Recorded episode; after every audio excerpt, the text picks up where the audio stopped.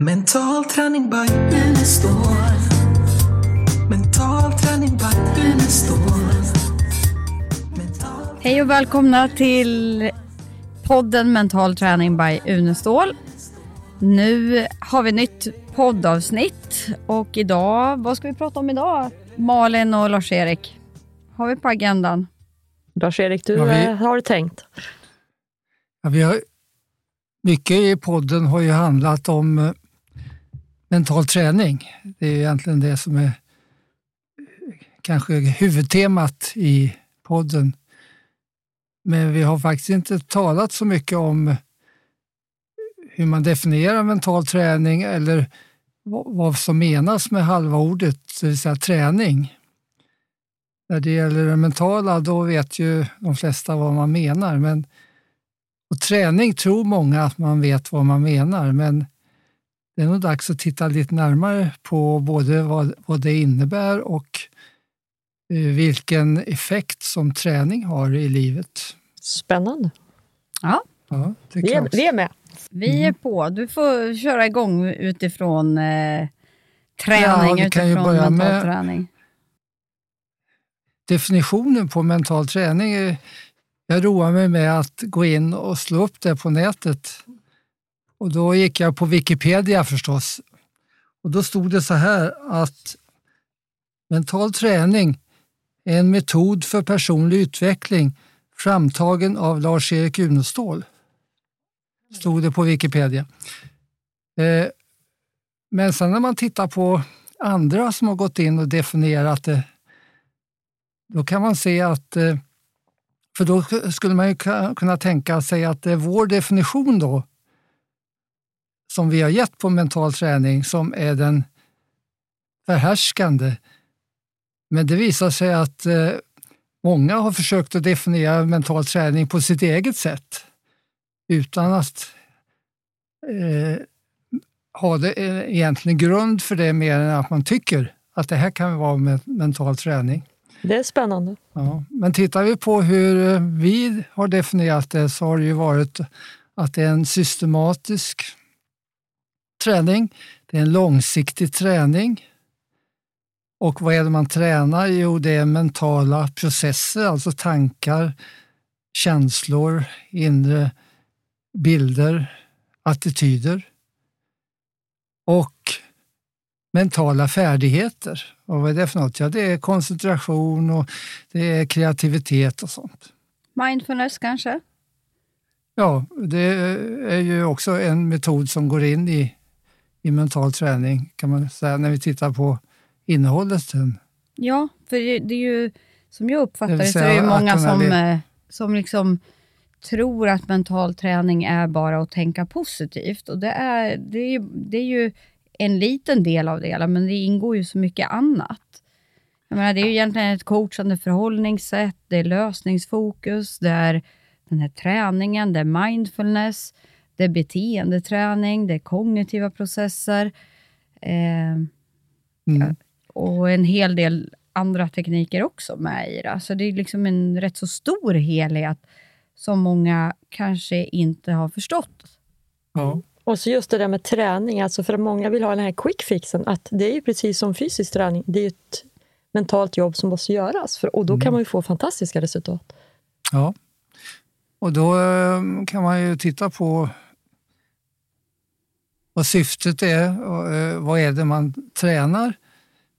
Eh, som Helene var inne på och hur tränar man? Som du Malin var inne på. Ska vi ta ordet träning först då? Hur definierar ni ordet träning? Ja, för mig är det ju någonting som du upprepar och gör över tid. Alltså, ja, du kan ju träna en gång, men då kanske du inte får, får det resultat som du har räknat med. Utan på något vis är det en återkommande träning tills det har blivit automatiserat, tänker jag. Jag, Mm, är inne Malin? lite precis och likadant om orden du säger, en långsiktig, systematisk, alltså någonting som finns en kontinuitet i, som görs för att utvecklas. Mm. Ja, och eh, om man då tittar på det här begreppet då. Eh, vad, vad står det i, i relation till? Eh, ja, det har ju att göra med vad kan man, vad kan man träna då? Eh, och vad beror, hur mycket betyder träningen för att lyckas i livet?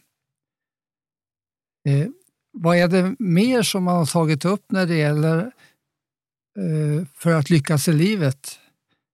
Jo, en sak som man har tagit upp väldigt mycket det är ju att, att man har förutsättningar, gener, man har talang. Eh, och många har ju tagit det som det viktigaste för att lyckas i livet. Bakgrund, social bakgrund, hur man växer upp och eh, influenser man får och så vidare. Eh, och så har det varit ända fram till för några år sedan. Och eh, vad hände då? Är det någon som kom, vet det? Som gjorde att träning har fått de sista 10 åren, 15 åren en helt annan eh, värde. Och det gäller inte bara mental träning, det gäller också fysisk träning. Alltså träning som sådant har ju blivit upphöjt till kanske det viktigaste i livet för att få framgång. Och vem var det som låg bakom det? Vet du, Det var en svensk. ja, är det de här 10 000 timmarna, att man lägger Ja. tiden? Han hette Ja, jag kommer inte på det just nu. Jo, eh, jag var en del vid Florida State University, för jag hade en god vän som var professor där. Och då träffade jag Anders Eriksson, som också är svensk professor. Och eh, jag träffade honom innan han hade börjat jobba med, med det här. Men sen gjorde han en rad studier som visade då att för att lyckas i livet så är det träningen som är det viktiga. Och i idrotten då som han tittade på så visar han att talang betyder inte mycket jämfört med träning. Och var man beredd att satsa och då kom de här 10 000 timmarna, då kunde man bli bra i vad som helst. Men där tror jag också det är oerhört viktigt att motivationen kommer inifrån. Det finns så många som får press. Jag tänker på idrotten då, utifrån, när man förväntas och ska. Att, att den här motivationen, för då kommer ju lägga tid bara på grund av passionen till att du inte vill göra något annat. Ja, det han visade då, eh, eh, för det första visade han ju då det här i idrotten, men sen var det en del som sa ja, det kanske gäller idrotten, men det gäller ju inte andra områden. Ta musik, sa man. Där kan det ju inte gälla. Och då gjorde han ju den här studien vid eh, eh, Berlin, i Berlin med violinister. Där han visade att eh, eh, de som blev eh, de som blev bäst i världen, alltså internationellt, de hade tränat 10 000 timmar. De som blev under det, de som blev bra nationellt, de hade tränat 8 000 timmar. De som blev musiklärare, de hade tränat 4 000 timmar. Så även där visade det sig då att det var träningen som Eh, var det viktiga. Men det visade sig viktigt då att man började tidigt. Och där har man i, på Karolinska i Stockholm faktiskt visat att eh, tidig träning, till exempel musik, det, det, det påverkar myelinbildningen i, i hjärnan. Och myelinbildningen är viktig för att eh, nervimpulserna ska gå snabbare för att eh, nervbanorna blir större. Och det kan förklara varför de som börjar tri- träna tidigt har ännu större effekt av det än de som börjar senare. Till exempel med musik. Det vet vi ju när det gäller språk och mycket annat att det är så. Och det talar också för tidig träning.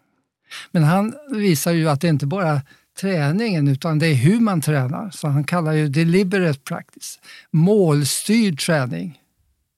Jag tänker liksom, om man går ifrån eh, idrotten nu och så tittar man på en helt vanlig människa då.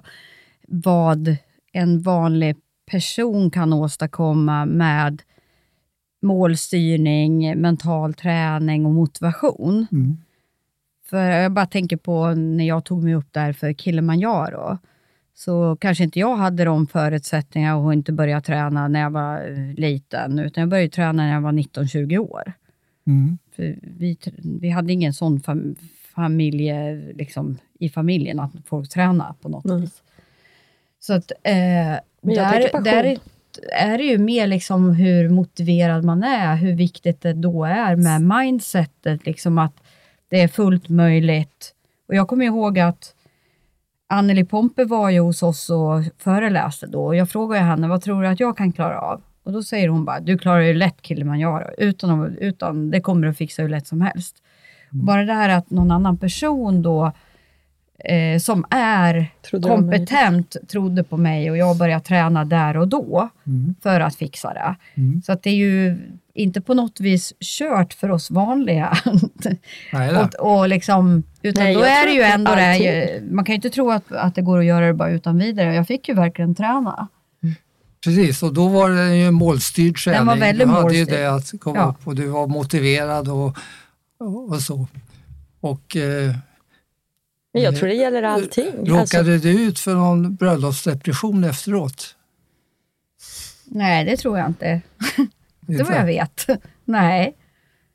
Eh, men träningen, var, den så mycket inriktad på just att komma upp på Kilimanjaro att du fortsatte inte den efteråt sen?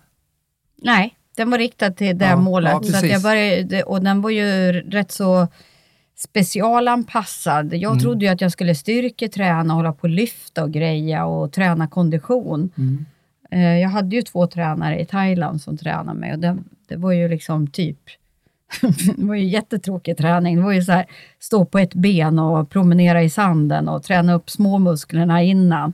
Så Ja. det var ju rätt så tråkig träning. Ja, precis. Som jag inte alls hade räknat med. Jag tänkte För- jag kan väl thaiboxas lite och liksom, Ja. typ så. Men Det är intressant då, jag kan fråga dig Malin då, när du eh, hade slutat din internationella karriär, eh, fortsatte du att träna då? ja, det gjorde jag. Det, Det gjorde det gjorde jag. Men däremot den här tomheten. Vi gjorde en treårssatsning när vi tog SM-guld och vi tog guldet efter två år. Och det här tredje året blev sådär, Mm. vad ska vi göra nu? Alltså, ska Ja. vi ta guld igen? Ska vi försvara? Alltså det, Mm. Det var ett svårt mindset, kommer jag ihåg, då, när vi skulle liksom, ja men vi ska ut i Europa och liksom det här. Ja. Men För att eh, det Anders visade då eh, i den här eh, deliberate practice, det var då att det var viktigt att man eh, såg träningen som en, en livsstil och eh, njöt av den. Det var alltså eh, processinriktad och inte målstyrd på det sättet att man bara tränade för någonting annat. Utan man tränar för att komma in i livsstil. Och de som använder då eh, både för utanför idrotten och idrotten för att nå mål. Där blir det ofta en, en reaktion efteråt. Man slutar träna, går upp i vikt och, och får väldigt svårigheter i, i livet. Va? Därför att att träningen har-? Träningen har varit så målinriktad och, och så lite processinriktad. Sen är det ju också viktigt att man njuter av träningen, då får man ut mer av den. Mm. Så att där är det också viktigt att komma in i en livsstil där träningen så jag tror att jag är lite Blir en del rastlös, av men så jag livet. behöver det för att det är en del, del av mig. Men Så. Du är ju träning, missträning själv. Alltså, jag kan inte tänka mig att du skulle kunna gå en vecka utan att träna. Ja, men det klarar jag, men det, då är jag sugen på att träna. Ja. Så är det eh, ju. Men du är ju duktig på att träna med. Man brukar säga då att träning det är metodiska övningar för att förbättra färdigheter. Och eh, då är det ju intressant att titta på vad är, vad är det som är färdigheter då? Skills på e-, engelska eller abilities. Och eh, eh, det är ju då, eh, om man tittar på förmågor som man då nu kommer vi in på den mentala träningen, för där är det ju framförallt inriktat på sådana saker och inte så mycket på de fysiska färdigheterna. Då. Mentala färdigheter. Då, då är det intressant att när det gäller förmågor då, som en del av färdigheter man ska träna på. På engelska finns det två uttryck för det. Det finns ability och det finns skills. Och då menar man att ability då, det är saker som man inte kan lära sig, säger man. Medan skills eh, får man då genom träning och erfarenhet. Men på svenska har vi bara ordet förmåga för bägge två. Och så var det ju när den mentala träningen startade då. Då sa man att eh, vissa saker kan man inte förändra med, med träning, med, med mental träning. Eh, man kan förändra sitt sätt att tänka och, och, och så vidare. Men personligheten kan man inte förändra. Den, är, den är, finns med från början. Och därför var det så viktigt under eh, 60-70-talet när mentala träningen jobbades fram, att kunna visa att man också kan förändra sin personlighet. Så att det blev ju två mål med mental träning. Det ena är hur vill jag ha mitt liv i framtiden? Och det andra var hur vill jag vara som människa i framtiden? Och Det är de två målen som fortfarande är, är de två stora målen när man börjar med mental träning. Det är de jag jobbar med. Men där ja. kan jag ha en oerhörd respekt för Elenes resa, för hon har ju verkligen gjort ett jättejobb. Alltså... Ja, visst. Och det, ja, men jag har ju ändrat min personlighet ja, från att vara rätt så blyg och liksom mm. inte våga När man ser filmer från förr, ja, liksom, så ser, ser man ju ja. det är en jätteskillnad. Och det, ja. det är oerhörd respekt för att göra det jobbet och lägga den tiden, för det krävs ju träning. Men Lars-Erik, just där blev jag att tänka på en sak som har med det här att göra. För att eh, den mentala träningen eh, om du bestämmer dig för att du till exempel ska våga eh, prata inför andra eller kunna, vilja bli kursledare eller vad det nu är för någonting, från att du inte har vågat vara det. Och så tränar du då mentalt och så tränar du även eh, alltså beteendemässigt. Du, du gör det som krävs och så liksom kan du det här då behöver du ju inte träna på det igen, för att då är ju den färdigheten har ju utvecklats. Mm. Sen kan du ju alltid bli bättre, men det blir man ju av själva träningen. Mm. Men så finns det väl andra saker som du kanske lär träna på hela tiden, tänker jag. Ja.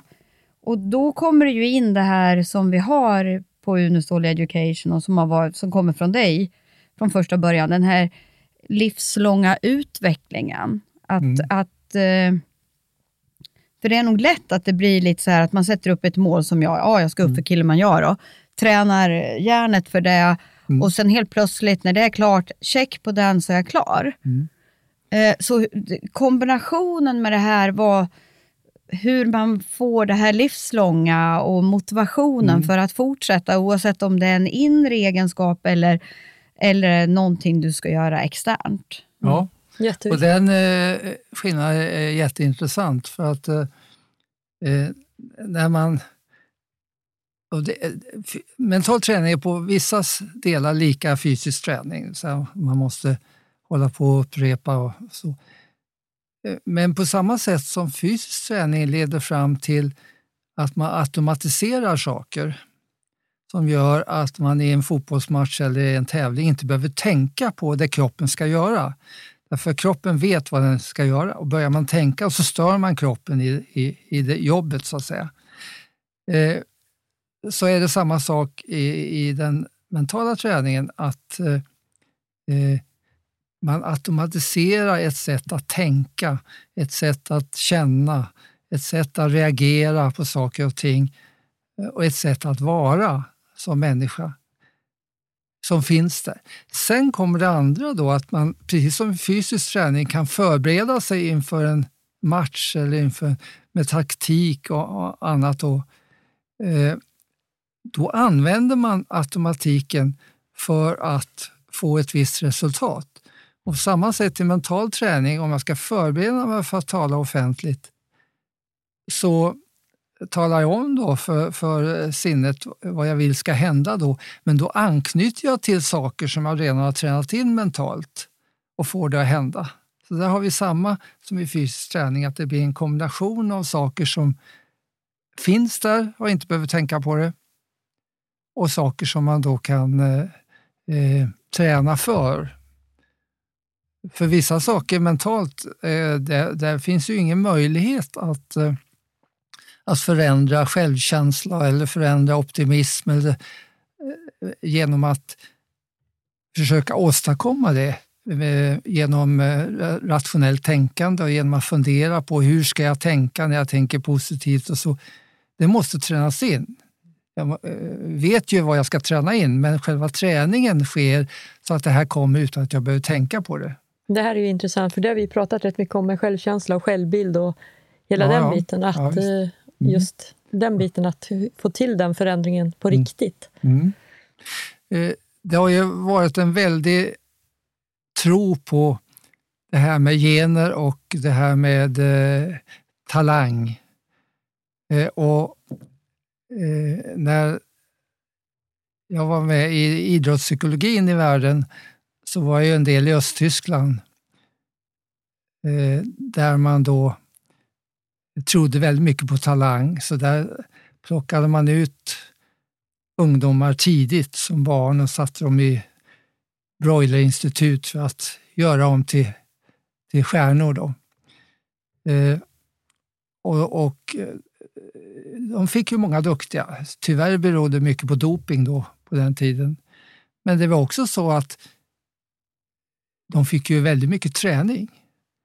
Men man tolkade det då så att det var den här talangen som var orsaken och inte träningen. Och så har det varit genom tiderna ända fram till Anders kom med den här eh, stud- de här studierna. Att eh, man har trott att man måste ha talang för att lyckas. Och det har gjort att eh, många föräldrar har dödat sina barns drömmar genom att säga när de är 12-13 år och det inte går så bra i en idrott att Eh, du ska nog pröva något annat. Det finns ingen koppling mellan tidigare resultat och senare resultat. Så att det är de som är ihärdiga och tränar. Och då säger en del, ja men hur kommer det sig då att eh, eh hur kommer det sig då att de som eh, man har ju funnit till exempel att de som är födda tidigt på året eh, lyckas bättre än de som är födda senare på året. Då. Ja, det beror på att de som är födda tidigare på året de får större de är lite äldre, de, får, de lyckas lite bättre och sen får de mer träning än de andra. Så det har också med träningen att göra det här.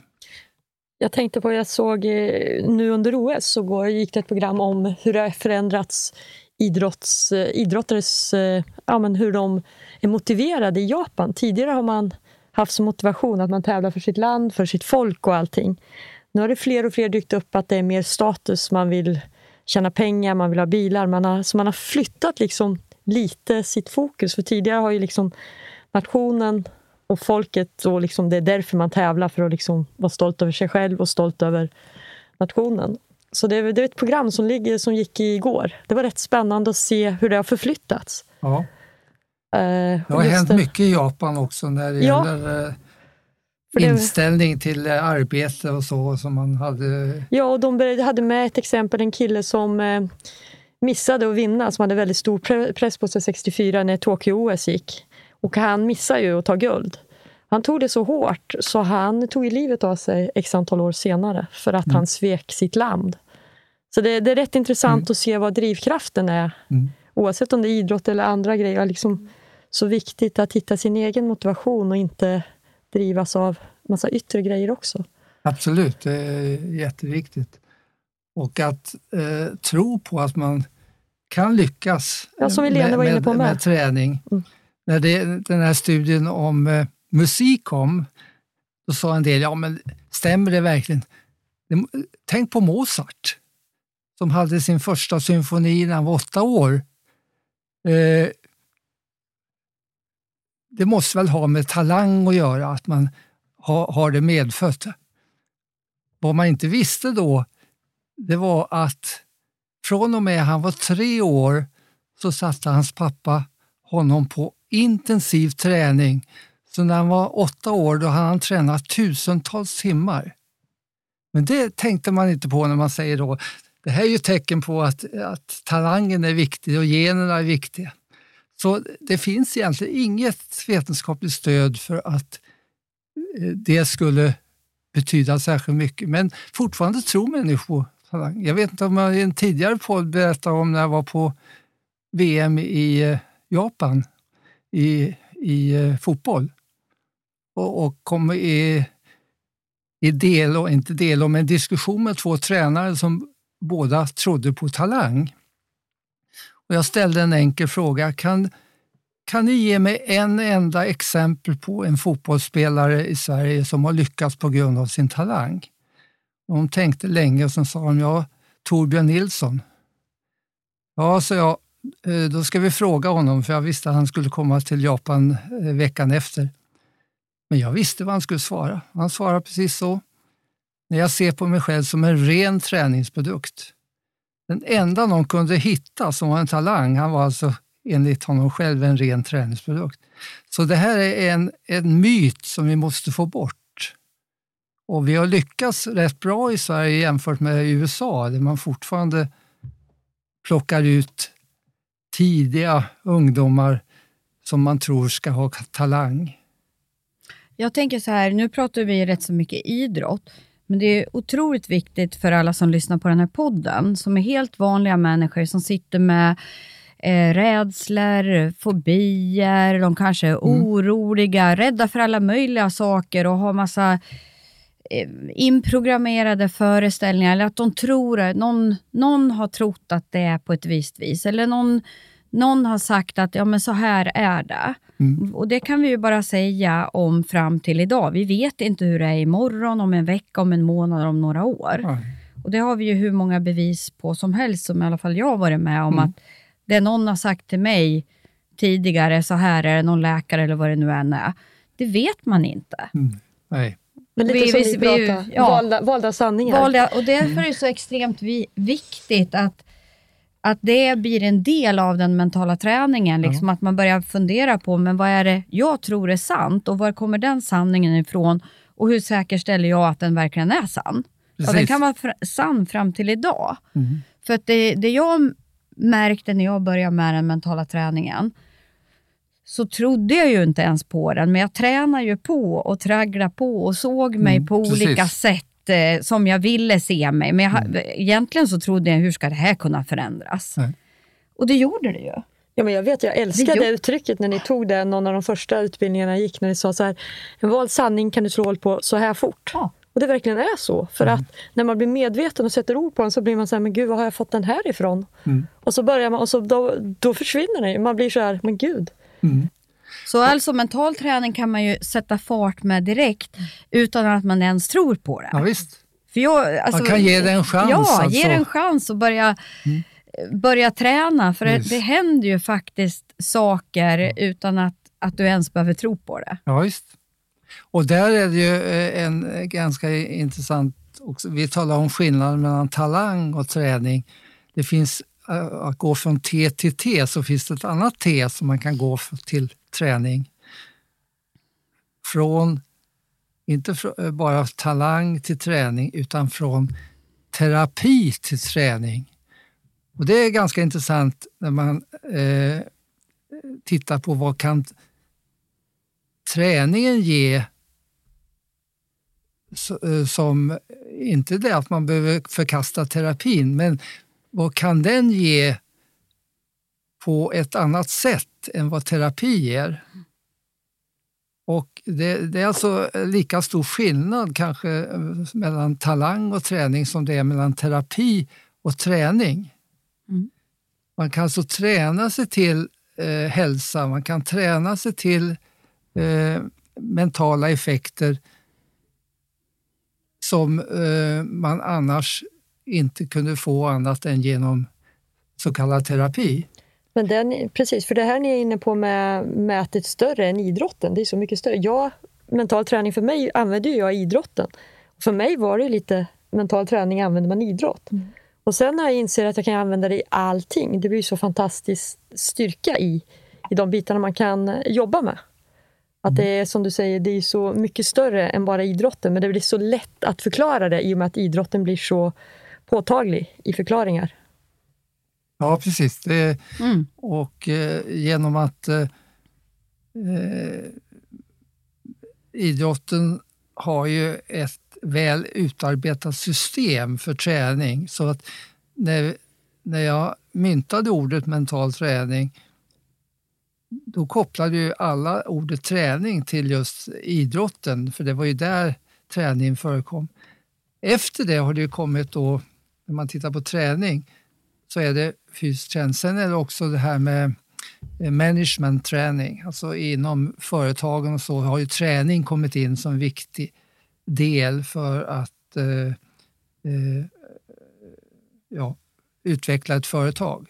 Att träna personalen. Så, Och Där vet jag inte om det finns med så mycket egentligen fortfarande, utan man kommer in och håller en utbildning och så har man inte liksom ledarskapsutbildning, men så kanske det inte finns den där träningen. Nej. Där har ju vi det här, eh, om excellent ledarskap till exempel, där man går in och har ett teoripass och sen får de träna en hel månad på olika saker och redovisa när man kommer tillbaka nästa gång. Det är ju liksom ett program på fem månader. Och feedbacken på det är ju, träningen har ju varit det mest utmanande, men det mest effektiva. ja, ja, precis. Alltså, det är Göra jobbet. Göra jobbet, det är liksom inte bara att trycka på en knapp, utan man vill göra jobbet också. Och där fattas det mycket fortfarande, som du säger, inom eh, företagsvärlden. Därför att eh, när, det, när man började med utbildning, företagsutbildning eller personalutbildning, då var det ju rent kunskapsmässigt. Eh, och man hade inte med träningen. Och det gjorde ju att effekten var, var minimal. Eh, kan berätta om de undersökningar vi gjorde då på, för att titta på personalutbildningen vid ett senare tillfälle. Men effekten var minimal av dem, eh, trots att man skickade folk på kurser. Det var först så småningom så kom träning in, men då gällde det ofta att man skulle träna ett visst eh, eh, område för att bli bättre på en viss arbets, arbetssituation. Man, man, man hade eh, det här med lärlingssystem och man fick gå och lära sig genom lärlingar.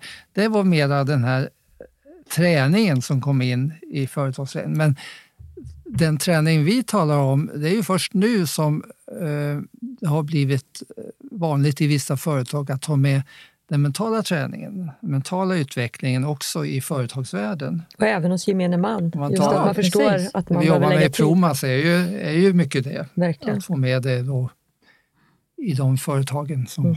har Promastolen.